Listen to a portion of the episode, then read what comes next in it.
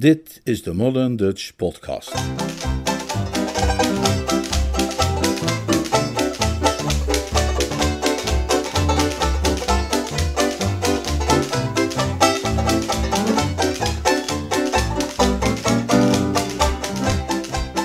Een man van eer.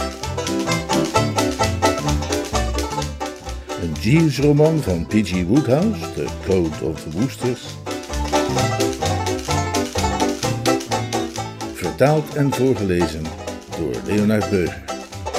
There she is, there she is, there's what keeps me up at night. Oh gee whiz, oh gee whiz, there's why I can't eat a bite. Those flaming eyes, that flaming youth. Oh mister, oh sister, tell me the truth. Cause when I'm paddling, paddling home. Gee, when I'm paddling, paddling Hoofdstuk 8b. Vertel me nu maar eerst alles wat er is gebeurd. Ja, zei ik, dat verhaal horen we graag uit de eerste hand. Ben je stiekem op hem afgeslopen als een luipaard? vroeg Stiffy. Tuurlijk, wees ik het onnozele wicht terecht. Je denkt toch niet dat hij open en bloot op hem is afgestapt? Je hebt hem natuurlijk stilletjes achtervolgd, hè, op slangachtige wijze, stinker, hè? En, en, en je slag geslagen toen hij even uitrustte op een hekje of, of kalmpjes een pijpje rookte. Stinker bleef voor zich uit zitten staren, zijn gezicht nog altijd pijnlijk vertrokken. Hij zat niet op het hekje. Hij leunde er tegenaan. Nadat jij vertrokken was, Stiffy, ben ik een eindje gaan wandelen om over een en ander na te denken. En ik was juist door de weide van Plunkett gelopen en wilde aan de andere kant over het hek klimmen, toen ik een duistere schim voor me zag, en daar was hij. Ik knikte. Ik kon me de scène helemaal voorstellen. Ik hoop, zei ik, dat je eraan gedacht hebt om eerst een- een zetje naar voren te geven voordat je het ding optilde. Dat was niet nodig. De helm stond niet op zijn hoofd. Hij had hem afgezet en op de grond gelegd. Ik hoefde er alleen maar naartoe te kruipen en hem te pakken. Ik was geschokt. Ik kneep de lippen samen. Dat is niet helemaal zoals het hoort, stinker. Jawel, zei Stiffy op een hartelijke toon, want ik vind het juist heel erg slim van hem. Het was onmogelijk mijn standpunt in deze te herzien. In de Drones Club koesteren wij rigide opvattingen over dit soort zaken. Er is een correcte en een incorrecte wijze op politiehelmen te stelen, zei ik streng. Dat is nou absolute onzin wat je daar zegt, zei Stiffy. Je hebt het geweldig gedaan hoor, lieverd. Ik haalde mijn schouders op. Hoe denk jij daarover, Jeeves? Het is niet aan mij, meneer, daarover een mening te uiten. Nee, zei Stiffy. En het is Jan Doppie ook niet aan jou om daar een mening over te uiten. Jij Bertie Woester met je blote billen gezicht. Wie denk je wel dat je bent? Dat komt zomaar de slaapkamer van een jong meisje binnenwandelen en begint moeilijk te doen over correcte en niet correcte manieren om helmen te stelen. Alsof je daar zelf zo geweldig in bent. Jij bent er notabene voor in je kraag gegrepen en voor het gerecht gesleurd in Bosje Street, waar je door het stof hebt moeten gaan voor Om Watkin, in de hoop er vanaf te kunnen komen met een boete. Dat kon ik niet op mij laten zitten. Ik ben niet voor die oude lastpak door het stof gegaan. Mijn houding is van begin tot eind kalm en waardig gebleven, als van een echte indiaan aan de martelpaal. En wat betreft die boete... Hier onderbrak Stiffy mij en verzocht me mijn broodmolen te sluiten. Goed, maar alles wat ik wilde zeggen was dat het vonnis mij verbijsterde. Ik was sterk van mening dat het Hof had kunnen volstaan met een eenvoudige berisping. Maar goed, dat is hier niet het punt. Het punt is dat Stinker in het huidige geval niet volgens de regels heeft geopereerd. Ik beschouw zijn gedrag moreel vergelijkbaar met het schieten op een zittende vogel. En van dat standpunt wijk ik niet af. En ik wijk niet af van het standpunt dat jij niks te zoeken hebt in mijn slaapkamer. Wat doe jij hier? Ja, dat vroeg ik mij ook al af, zei Stinker, die de kwestie voor het eerst aanroerde. En ik snapte natuurlijk ook wel dat hij verbaasd was deze hele massascène aan te treffen in wat hij veronderstelde het exclusieve slaapvertrek van zijn geliefde te zijn. Ik keek Stiffy streng aan. Jij weet maar al te goed wat ik hier doe. Dat heb ik je precies verteld. Ik kwam, oh ja, Bertie kwam een boek lenen, schat. Maar, en hierbij vingen haar ogen op een kille en sinistere wijze de mijne, ik ben bang dat ik het hem op dit moment niet kan geven. Ik heb het zelf nog nodig. En tussen haakjes, ging ze verder, nog altijd met diezelfde dwingende blik, Bertie zei dat hij ons met alle plezier wilde helpen bij ons plannetje met die roomkoe. O, werkelijk, beste kerel? vroeg Stinker gretig. Natuurlijk doet hij dat, zei Stiffy. Hij zei net nog tegen me hoe fijn hij het vindt om ons te kunnen helpen. En vindt het niet erg dat ik hem een stomp op de neus moet geven? Natuurlijk vindt hij dat niet erg. Hij moet namelijk bloed bij zijn. Het is essentieel dat er bloed is. Natuurlijk, natuurlijk, natuurlijk, zei Stiffy. Ze deed erg ongeduldig. Ze wilde kennelijk deze scène snel afronden. En wanneer wilde je het dan graag doen, Bertie? Hij wil, hij wil het graag uh, vandaag nog doen, zei Stiffy. Het heeft geen zin om het uit te stellen. Zorg dat je om middernacht hier buiten staat, lieveling. Iedereen is tegen die tijd naar bed. Middernacht schikt jou toch, hè Bertie? Ja, Bertie zegt dat het hem prima uitkomt. Dat is dan geregeld. En nu moet je echt gaan hoor, lieverd. Als er iemand binnenkwam en jou hier aantrof, dan zouden zij misschien iets van denken. Nacht, nacht, lieveling. Nacht, nacht, lieveling. Nacht, nacht, lieveling. Nacht, nacht, lieveling. Wacht even, onderbrak ik deze misselijkmakende conversatie, want ik wilde een laatste beroep doen op Stinkers betere gevoelens. Nee, hij kan niet even wachten. Hij moet gaan. En denk eraan, Engeltje, zorg dat je er bent, gepikt en gedreven, 00 uur precies. Nacht, nacht, lieveling. Nacht, nacht, lieveling. Nacht, nacht, lieveling. Nacht, nacht, lieveling. Ze verdwenen naar het balkon en hun weerzinwekkende troetelpraat verklonk langzaam in de verte. Ik keek Jeeves aan. Mijn gezicht stond hard en streng. Ajakkes, Jeeves. Nee. Ik zei ajakkes. Ik ben iemand met ruime opvattingen, maar dit heeft mij toch geschokt. Tot op mijn grondvesten, mag ik wel zeggen. Het is niet eens zozeer Stiffy's gedrag dat ik walgelijk vind. Zij is een vrouw en het is bekend dat vrouwen nu eenmaal de neiging hebben weinig verschil te zien tussen goed en kwaad. Maar dat Harold Pinker, iemand die tot de geestelijke stand behoort, een man die zijn boordje achterstevoren draagt, zich met dit soort dingen inlaat, stuit mij beslist tegen de borst. Hij weet dat zij dat boekje heeft. Hij weet dat zij mij daarmee onder druk zet. Maar staat hij erop dat ze het mij teruggeeft? Nee. Hij leent zich met geestdrift voor dit soort grove streken. Dat ziet er mooi uit voor zijn kurken in Totley in de Wold. Hoe willen zijn schaapjes het smalle maar rechte pad bewandelen met een herder als hij? Een fraai voorbeeld moet dat zijn voor dat zonderschoolklasje waar hij het over had. Een paar jaar bij Harold Pinker in de bankjes, doordrenkt met zijn buitengewone gezichtspunten op het gebied van moraliteit en ethica. En ieder bliksemskind uit zijn gemeente moet straks jarenlang brommen wegens chantage. Ik zweeg even, sterk aangedaan, en ook een tikje buiten adem. Ik denk dat u de eerwaarde heer Pinker daarmee toch onrecht aan doet, meneer. Hè? Ik ben er zeker van dat hij in de mening verkeert dat uw medewerking aan dit plan geheel en al te danken is aan uw goedhartigheid en uw wens een oude vriend te helpen. Denk je dat zij hem niets gezegd heeft over dat notitieboekje van Gussie? Daar ben ik van overtuigd, meneer. Dat was eenvoudig op te maken uit de wijze waarop de jonge dame zich gedroeg. Huh, ik heb niets bijzonders opgemerkt aan haar manier van doen. Toen op het punt stond het notitieboekje ter sprake te brengen, leek zij heel even in verlegenheid gebracht, meneer. Zij vreesde kennelijk dat de heer Pinker op dat punt zou doorvragen, en wanneer hij vernam hoe de zaken in elkaar staken, haar zou dwingen het boekje terug te geven. Grote genade, Jeeves, ik geloof dat je gelijk hebt. Ik riep het recente gesprek in de herinnering terug. En ja, hij had volkomen gelijk.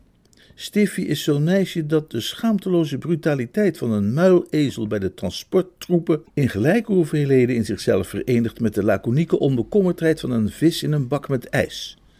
Maar ze was duidelijk een beetje van kleur verschoten toen ik op het punt had gestaan de redenen voor mijn aanwezigheid in haar kamer aan Stinker uit te leggen.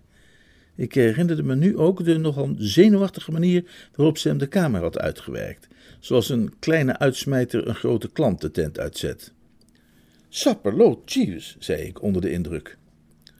Vanuit de richting van het balkon klonk gedempt een kletterend lawaai. Even later kwam Stiffy weer binnen. Harold viel van de ladder, verklaarde ze met een smakelijke lach. Oké, Bertie, heb je het programma goed in je hoofd? Vannacht gaat het gebeuren. Ik haalde een sigaretje tevoorschijn en stak het aan.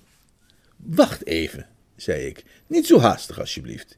Eén ogenblikje, mijn beste Stiffy. De autoritaire klank in mijn stem leek haar uit het veld te slaan. Ze knipperde een paar keer met haar ogen en keek mij vragend aan terwijl ik een vulkaanwolk aan rook nonchalant via mijn neus liet ontsnappen. Heel even, herhaalde ik. In het verslag van mijn eerdere avonturen met Augustus Fink Nottel te Brinkley Court, die u misschien hebt gelezen, of misschien ook niet, heb ik alles vermeld dat ik ooit een historische roman heb gelezen over ene Buck of Bo of iets in die geest, die de gewoonte had om wanneer hij iemand op zijn plaats moest zetten, ironisch op hem neer te blikken van onder zijn trage oogleden, terwijl hij zorgvuldig een onzichtbaar stofje verwijderde van de smetteloze kanten lubben aan zijn mouwen.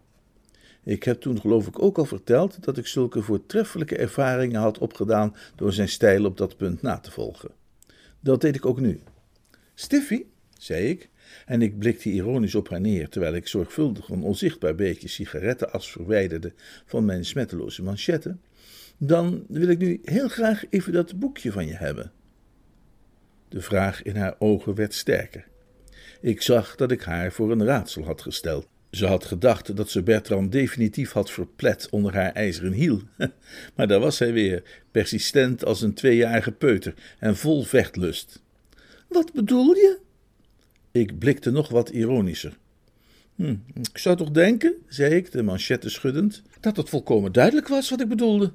Ik wil dat boekje van Gussie en ik wil dat nu meteen. En zonder gezeur. Haar lippen verstrakten zich. Dat boekje krijg je morgen, mits ik van Harold een positief verslag heb gekregen. Ik krijg dat boekje nu. Ja, doe eens normaal, man. Doe lekker zelf normaal, antwoordde ik op kalme en waardige toon. Jonge jongen, ik zeg het nog één keer, ik krijg dat boekje nu. En als ik het niet krijg, loop ik regelrecht naar vriend Stinker en vertel hem alles. Wat alles? Gewoon alles. Zo verkeert hij bijvoorbeeld op dit moment in de mening dat mijn medewerking aan jouw plannetje geheel en al te danken is aan mijn goedhartigheid en aan de wens een oude vriend te helpen. Jij hebt die kwestie met dat notitieboekje voor hem verzwegen, daar ben ik van overtuigd. Dat was eenvoudig op te maken uit de wijze waarop jij je gedroeg. Toen ik op het punt stond het notitieboekje te noemen, leek je heel even in verlegenheid gebracht. Je vreesde kennelijk dat Stinker op dat punt zou doorvragen en wanneer hij vernam hoe de zaken in elkaar staken, jou zou dwingen dat boekje terug te geven. Haar ogen blikkerden. Ik kon zien dat Jeeves' diagnose correct was geweest. Nou, je slaat volstrekt nonsens uit, zei ze, maar een trilling in haar stem verried haar. Nou, dat is goed dan. Doei doei, ik ben even naar Stinker. Ik draaide een halve slag en ging op weg. Als verwacht riep ze mij met smekende stem terug. Nee, Bertie, niet doen, alsjeblieft. Ik keerde op mijn schreden terug. Aha, dus je geeft het toe. Stinker weet niets van jou. De krachtige formulering die tante Dalia had gebruikt toen ze het over Sir Watkin Bassett had, schoot me te binnen. Van jouw stiekeme gesjoemel. Ik zie niet in waarom jij dat stiekem gesjoemel zou moeten noemen. Ik noem dat stiekem gesjoemel, omdat dat precies is wat ik het vind. En dat is wat Stinker, die eenvoudig druipt van de hoogstaande principes, het ook zal vinden als ik hem de feiten voorleg. Ik draaide opnieuw een halve slag. Doe doei dus nog maar een keer. Bertie, wacht. Wat is het? Bertie, lieverd. Ik legde haar het zwijgen op met een koele beweging van mijn sigarettenpijpje. Niks, Bertie, lieverd. Houd dat Bertie lieverd maar voor je. Mooi is dat. Het is nogal het goede moment om te gaan Bertie lieverden. Maar Bertie, lieverd, laat het me uitleggen. Natuurlijk durfde ik Harold niet te vertellen over dat boekje. Hij zou een beroerte hebben gekregen. Hij zou het een smerige streek hebben genoemd. En ik wist natuurlijk ook wel dat het dat was. Maar ik zag geen andere mogelijkheid. Er was geen andere manier om te zorgen dat jij ons zou helpen. Nee, die was er niet. Maar nu help je ons toch, hè, of niet? Nee, niet. Maar ik vind dat jij dat best zou kunnen doen. Ja, dat geloof ik graag, maar ik begin er eenvoudig niet aan. Ergens tijdens het eerste of tweede zinnetje van deze dialoog merkte ik al dat haar ogen vochtig begonnen te worden en haar lippen te trillen en een glanzende parel begon over haar wang te rollen. De vloed, waarvan die parel de eerste druppel was geweest, barst nu in alle heftigheid los. Na een korte verklaring, waarvan de strekking was dat ze wilde dat ze dood was en dat ik nog raar zou staan te kijken als ik straks in haar doodskist stond te koekeloeren, in de wetenschap dat het mijn harteloosheid was die haar daarin terecht had laten komen, wierp ze zichzelf op het bed en begon te boehoeën. Het was weer dat onbeheerst gesnikgedoe dat we al eerder bij haar zijn tegengekomen en opnieuw stond ik er een beetje ontmoedigd bij. Ik wist niet wat ik doen moest en begon maar wat hulpeloos aan mijn das te frommelen. Ik heb al eens eerder gewezen op het wonderlijk effect dat vrouwentranen hebben op de woesters. Deed ze. Maar Stiffy, zei ik. Maar Stiffy, lief kind, wees nou toch redelijk. Gebruik nou toch eens je kersenpit. Je kunt toch niet serieus van mij verwachten dat ik die roomkoe ga stelen? Maar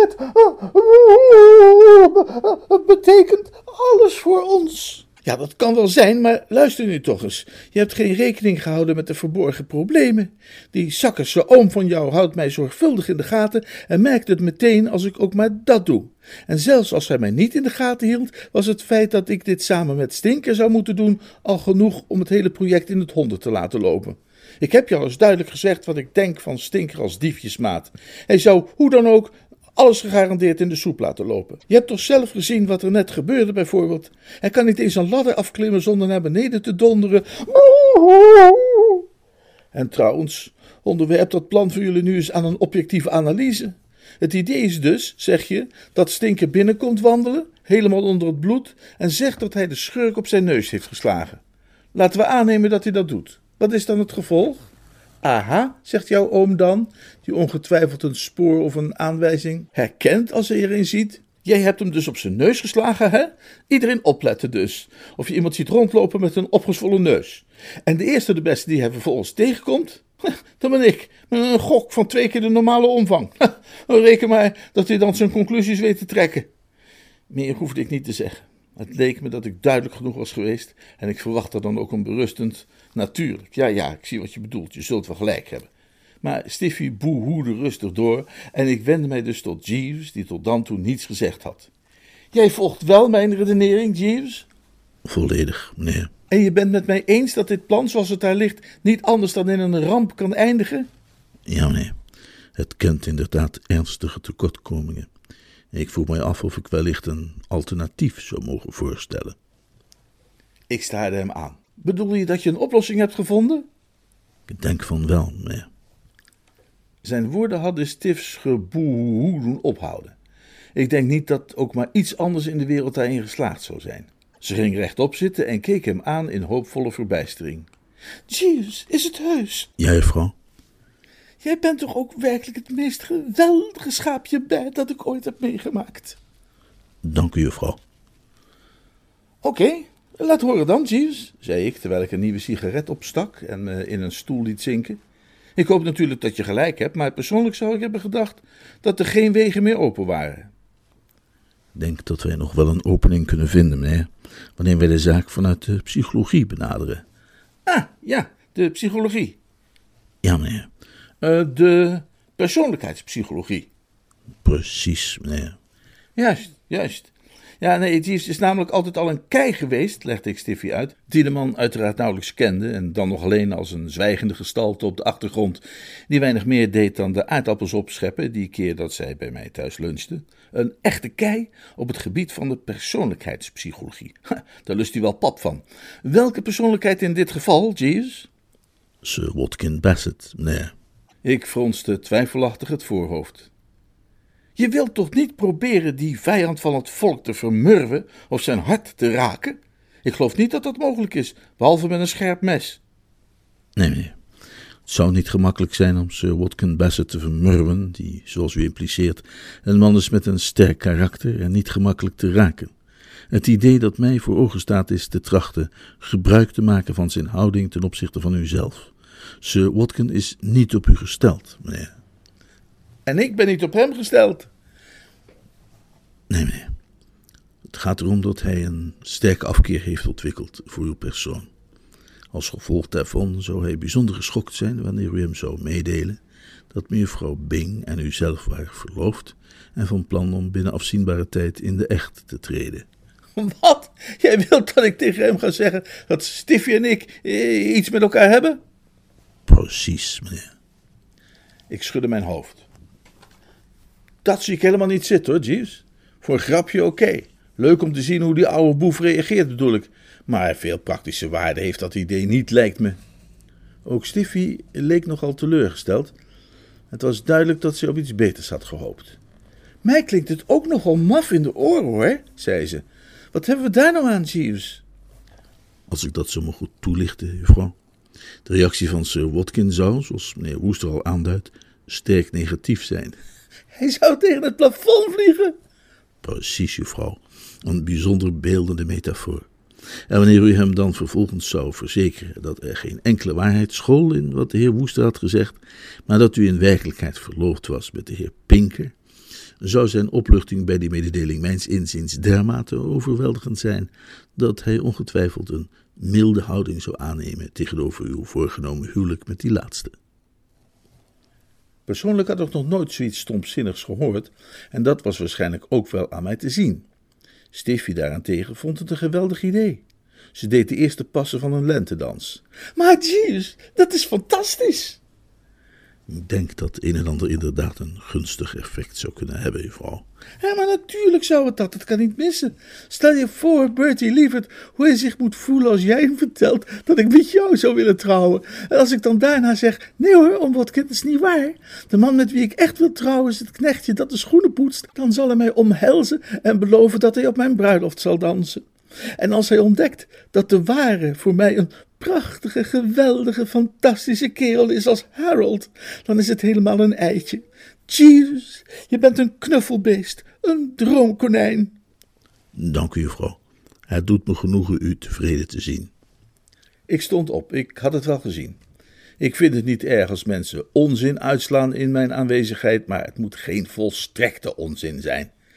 Ik wendde me tot Stiffy, die inmiddels bezig was aan een volgend deel van haar lentedans, en sprak haar aan op korte, krachtige toon. Dan wou ik nu graag dat boekje, Stiffy. Ze passeerde juist de ladekast, waar ze al dansende, denkbeeldige rozen strooide. Ze bleef even staan. Oh ja, dat boekje. Dat wilde je nu hebben? Ja, nu meteen. Ik zal het je geven zodra je met oom Watkin hebt gesproken. Oh ja? Ja. Het is niet dat ik je niet vertrouw, Bertie, lieverd. Maar ik zou me toch een stuk gelukkiger voelen als ik wist dat jij wist dat ik het nog had. En ik weet zeker dat jij wilt dat ik gelukkig ben. En neem oom Watkin onder handen, dan spreek ik jou daarna. Ik fronste de wenkbrauwen. Ik ga zeker maken dat ik wegkom, sprak ik ijzig, maar oom Watkin onder handen nemen, nee, dat is er niet bij. Ik zie mezelf al. Ze keek me met grote ogen aan. Maar Bertie, dat klinkt alsof jij ons wilt laten zitten? Zo was het ook bedoeld te klinken. Maar jij gaat mij toch niet in de steek laten, is het wel? Oh jawel, ik ga jou hartstikke in de steek laten. Maar vind je het dan geen goed plan? Absoluut niet. Jeeves zei daarnet dat hij zo blij was mensen tevreden te hebben gemaakt, maar mij heeft hij helemaal niet tevreden gemaakt. Het idee dat hij opperde beschouw ik als een absoluut dieptepunt in de menselijke intelligentie. En ik ben erg verbaasd dat juist hij daarmee gekomen is. En dan nu graag dat boekje, Stiffy, en vlug een beetje. Ze bleef even stil. Ik vroeg mezelf al een beetje af, zei ze, of jij misschien niet dit standpunt zou innemen. Mooi, dan weet je nu dat het inderdaad zo is, riposteerde ik. En dan nu dat boekje, alsjeblieft. Ik geef jou geen boekje. Prima, dan loop ik nu even naar Stinker en vertel hem alles. Moet je vooral doen. Alleen, voordat je ook maar bij hem in de buurt bent, sta ik in de bibliotheek en vertel ik oom Watkin alles. Ze wiebelde met haar kin als een meisje dat weet dat zijn sterke troef heeft uitgespeeld en haar woorden zorgvuldig wikkend, moet ik toegeven dat ze ook inderdaad met de aas was gekomen. Die mogelijkheid had ik volledig over het hoofd gezien. Haar woorden gaven mij te denken. De enige repliek die ik wist te geven was een verbluft en weinig effectief. Hm. Het viel niet te verbergen dat Bertram hier niet van terug had. Zo liggen de kaarten, dus wat zeg je? Het is nooit leuk voor een kerel die juist een rondje verbaal machismo heeft weggegeven, om van toon te moeten veranderen en over te schakelen op een weinig manhaftig bedelen en smeken, maar ik zag geen andere mogelijkheid. Mijn stem, die tot op dat moment ferm en krachtig had geklonken, kreeg nu een week en vloeiend vibrato. Maar Stiffy, verdorie, dat ga je toch niet echt doen? Ja, nou en of, als jij niet om Watkin gaat bewerken. Maar hoe kan ik dit nu gaan bewerken? Stiffy, dat kun je me toch niet aandoen? Oh, dat kan ik wel, let maar eens op. En wat is er eigenlijk nu zo erg aan? Hij zou je niet opeten? Dat nam ik even in overweging. Ja, dat is wel waar, maar dat is dan ook alles wat je ervan kunt zeggen. Het kan nooit erger zijn dan een bezoekje aan de tandarts. Erger dan zes bezoekjes aan zes tandartsen. Nou ja, denk er dan maar eens aan hoe blij je zult zijn als het achter de rug is. Het was een gedachte waar ik maar weinig troost uit kon putten.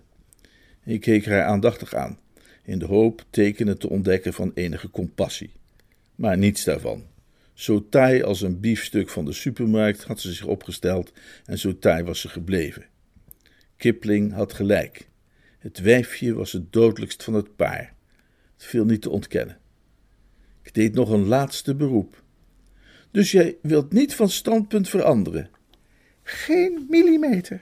Ondanks het feit dat ik, vergeef me dat ik het ter sprake breng, jou een verrekt goede lunch heb laten serveren bij mij thuis, kostte nog moeite gespaard. Nee. Ik haalde mijn schouders op, zoals een Romeinse gladiator, zo een die samengeknoopte lakens of netten of wat was het over zijn tegenstander gooide bijvoorbeeld, gedaan zou kunnen hebben op het moment dat hij zijn naam hoorde afroepen achter de coulissen. Vooruit dan maar, zei ik. Ze glimlachte me moederlijk toe. Zo mag ik het horen. Zo ken ik mijn ventje weer. Op een minder gespannen moment zou ik mij eraan geërgerd hebben dat ze mij haar ventje noemde, maar in deze uren des gevaars leek het er nauwelijks toe te doen. En waar hangt die vreselijke oom van jou uit?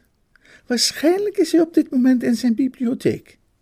Heel goed, dan ga ik nu naar hem toe. Ik weet niet of men u als kind ook dat verhaal heeft verteld over die kerel wiens hond het onschatbare handschrift had opgegeten van het boek dat hij aan het schrijven was. De clue was, zult u zich herinneren, dat hij die hond gepijnigd aankeek en zei: O Adamant, Adamant, hoe weinig besef jij, of misschien wel beseft gij, de schade die, dan wel dien, jij of gij hebt aangericht. Ik heb dat verhaal gehoord in de peuterklas, maar het is me altijd bijgebleven. Waarom ik er nu mee kom, is dat dit de manier was waarop ik Jeeves aankeek terwijl ik de kamer uitliep. Ik citeerde de tekst er niet bij, maar ik neem aan dat hij wel begreep wat ik dacht. Ik had het fijn gevonden als Stiffy geen Tiro, haha, had geroepen toen ik over de drempel stapte. Die jachtkreten klonken mij onder de omstandigheden in de oren als spottend en uiterst misplaatst. Sweet, sweet sweet, sweet.